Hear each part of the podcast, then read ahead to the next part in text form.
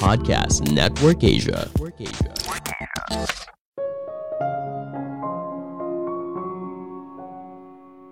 Peluang besar itu tidak berada di lingkaran sosial kita sekarang, tapi mungkin saja ada pada orang yang tidak kita kenal. Halo semuanya, nama saya Michael. Selamat datang di podcast saya, Sikutu Buku. Kali ini saya akan bahas cara menemukan peluang baru yang berasal dari orang yang ada di luar dari lingkaran sosial kita sekarang. Ini merupakan rangkuman dari video TED Talk Tanya Menon yang berjudul The Secret to Great Opportunities, The Person You Haven't Met Yet, dan diolah dari berbagai sumber. Manusia boleh dibilang merupakan creatures of habit. Apabila kita sudah terbiasa melakukan sesuatu, maka kita pasti akan melakukannya terus-menerus. Misalnya kita pergi melalui jalan yang sama, naik tangga yang sama, makan di tempat yang sama, dan sebagainya. Hal ini efisien, tapi sayangnya kita tidak memperluas koneksi sosial.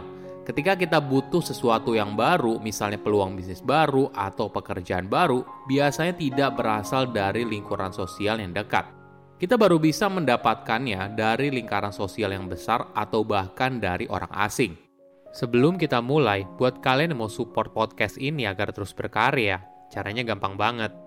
Kalian cukup klik follow Dukungan kalian membantu banget supaya kita bisa rutin posting dan bersama-sama belajar di podcast ini.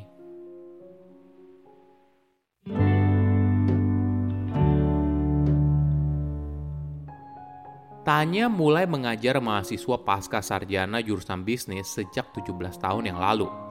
Kadang dia sering kali bertemu mahasiswanya bertahun-tahun kemudian setelah mereka lulus. Yang menarik, Tanya tidak hanya mengingat wajah mereka, tapi juga tempat duduk mereka di kelas. Hal ini bukan karena dia punya kekuatan super, tapi alasan utamanya karena manusia adalah creatures of habit. Kita terbiasa untuk mengulangi kebiasaan kita terus-menerus. Para mahasiswa cenderung duduk di kursi yang sama dengan orang yang sama.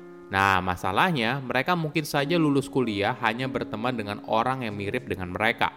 Jadi, mereka kehilangan kesempatan untuk membangun jaringan internasional. Memang tidak ada yang salah dengan ini. Kita merasa nyaman ketika kita berada dengan orang yang mirip dengan kita. Ini baru jadi masalah ketika kita butuh ide baru, pekerjaan baru, atau sumber daya yang baru. Seorang sosiolog Amerika terkenal bernama Mark Granovetter punya sebuah makalah terkenal yang berjudul The Strength of Weak Ties. Di makalah tersebut, Mark bertanya kepada para responden bagaimana mereka bisa mendapatkan pekerjaan. Menariknya, para responden itu tidak mendapatkan pekerjaan dari hubungan personal yang kuat seperti dari orang tua atau pasangan. Tapi mereka mendapatkan pekerjaan justru dari hubungan personal yang lemah, misalnya orang yang baru saja mereka kenal. Kenapa? Coba kamu bayangkan koneksi sosial orang terdekat kamu, entah itu orang tua atau pasangan. Lingkaran sosialnya pasti terdiri dari orang yang kamu kenal kan? Nah, padahal untuk mendapatkan sesuatu yang baru, maka kamu perlu memperluas koneksi kamu kepada lingkungan yang baru, misalnya dengan orang asing.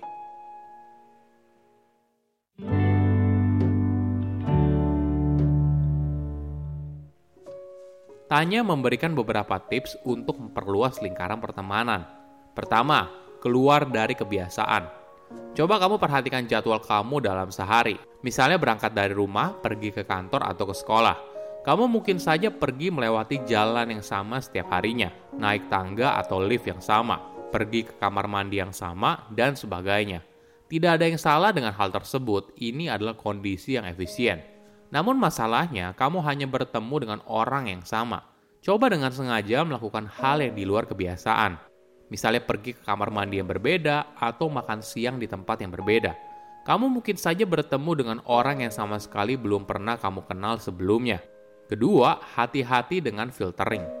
Ketika kita bertemu dengan orang baru, ada sesuatu yang kita lakukan secara otomatis. Kita memberikan filter kepada seseorang.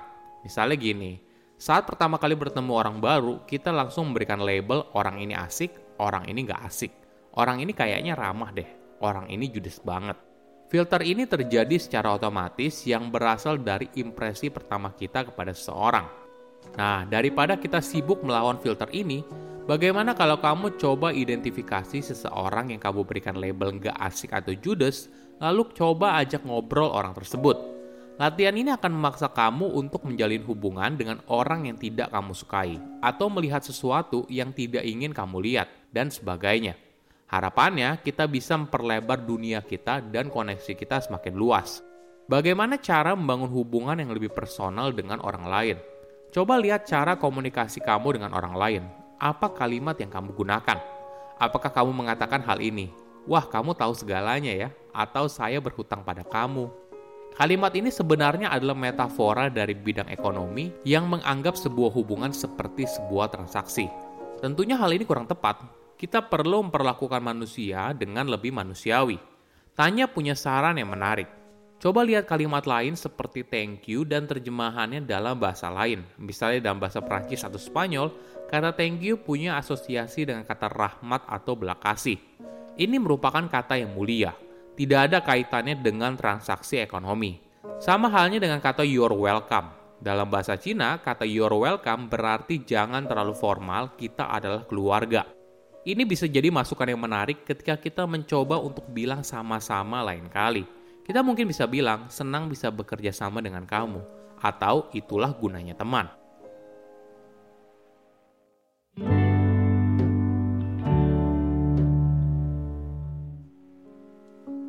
Mungkin inilah yang harus kita rubah. Kalau hubungan manusia itu lebih dari sekedar transaksi ekonomi, tapi merupakan sebuah ikatan sosial. Apakah kamu pernah dengar kalau hidup seperti sebuah perjalanan? Ibaratnya seperti perjalanan kereta dan kamu adalah penumpangnya beserta penumpang yang lain. Beberapa orang akan naik ke dalam kereta, ada yang terus bersama kamu sepanjang perjalanan, beberapa ada yang berhenti di stasiun berikutnya, tapi ada orang baru yang masuk. Ini merupakan analogi yang pasif. Kita hanya sebagai penumpang menunggu orang lain entah pergi dari hidup kita atau masuk ke dalam hidup kita. Bagaimana kalau kita mengambil pendekatan yang berbeda? Bagaimana kalau kita menganggap diri kita sebagai sebuah atom, bersentuhan dengan atom yang lain, mungkin saja memindahkan energi kita ke mereka, punya sebuah ikatan, dan mungkin menciptakan sesuatu yang baru sepanjang perjalanan. Oke, apa kesimpulannya? Pertama, Peluang baru tidak berasal dari lingkaran sosial yang dekat. Riset membuktikan ketika seseorang mencari pekerjaan baru, mereka tidak mendapatkannya dari lingkaran yang dekat, tapi berasal dari lingkaran sosial yang lemah, misalnya saja orang yang baru kita kenal. Kedua, jangan mudah memberikan filter. Ketika bertemu orang baru, kita terbiasa untuk memberikan filter atau label. Misalnya gini, orang ini asik, orang ini nggak asik. Nah, hal ini justru malah membuat kita sulit memperluas koneksi sosial yang kita miliki sekarang. Ketiga, hubungan manusia tidak sekedar transaksi ekonomi. Ketika ada orang baik dengan kita, maka kita harus membalasnya. Tentu saja tidak ada yang salah, namun kita perlu melihat hubungan manusia seperti layaknya hubungan sosial, tidak hanya sekedar transaksi ekonomi. Jika sudah, kita baru bisa menjalin hubungan yang lebih baik.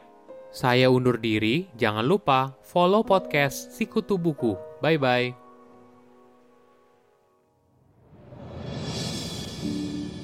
Hai, gimana episode tadi?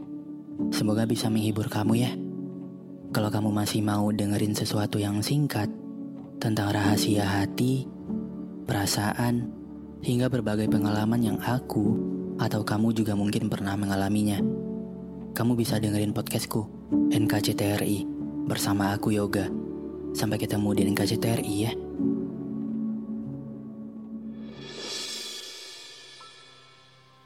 Pandangan dan opini yang disampaikan oleh kreator podcast, host, dan tamu tidak mencerminkan kebijakan resmi dan bagian dari podcast Network Asia. Setiap konten yang disampaikan mereka di dalam podcast adalah opini mereka sendiri dan tidak bermaksud untuk merugikan agama, grup etnik, perkumpulan, organisasi, perusahaan, perorangan, atau siapa pun dan apa pun.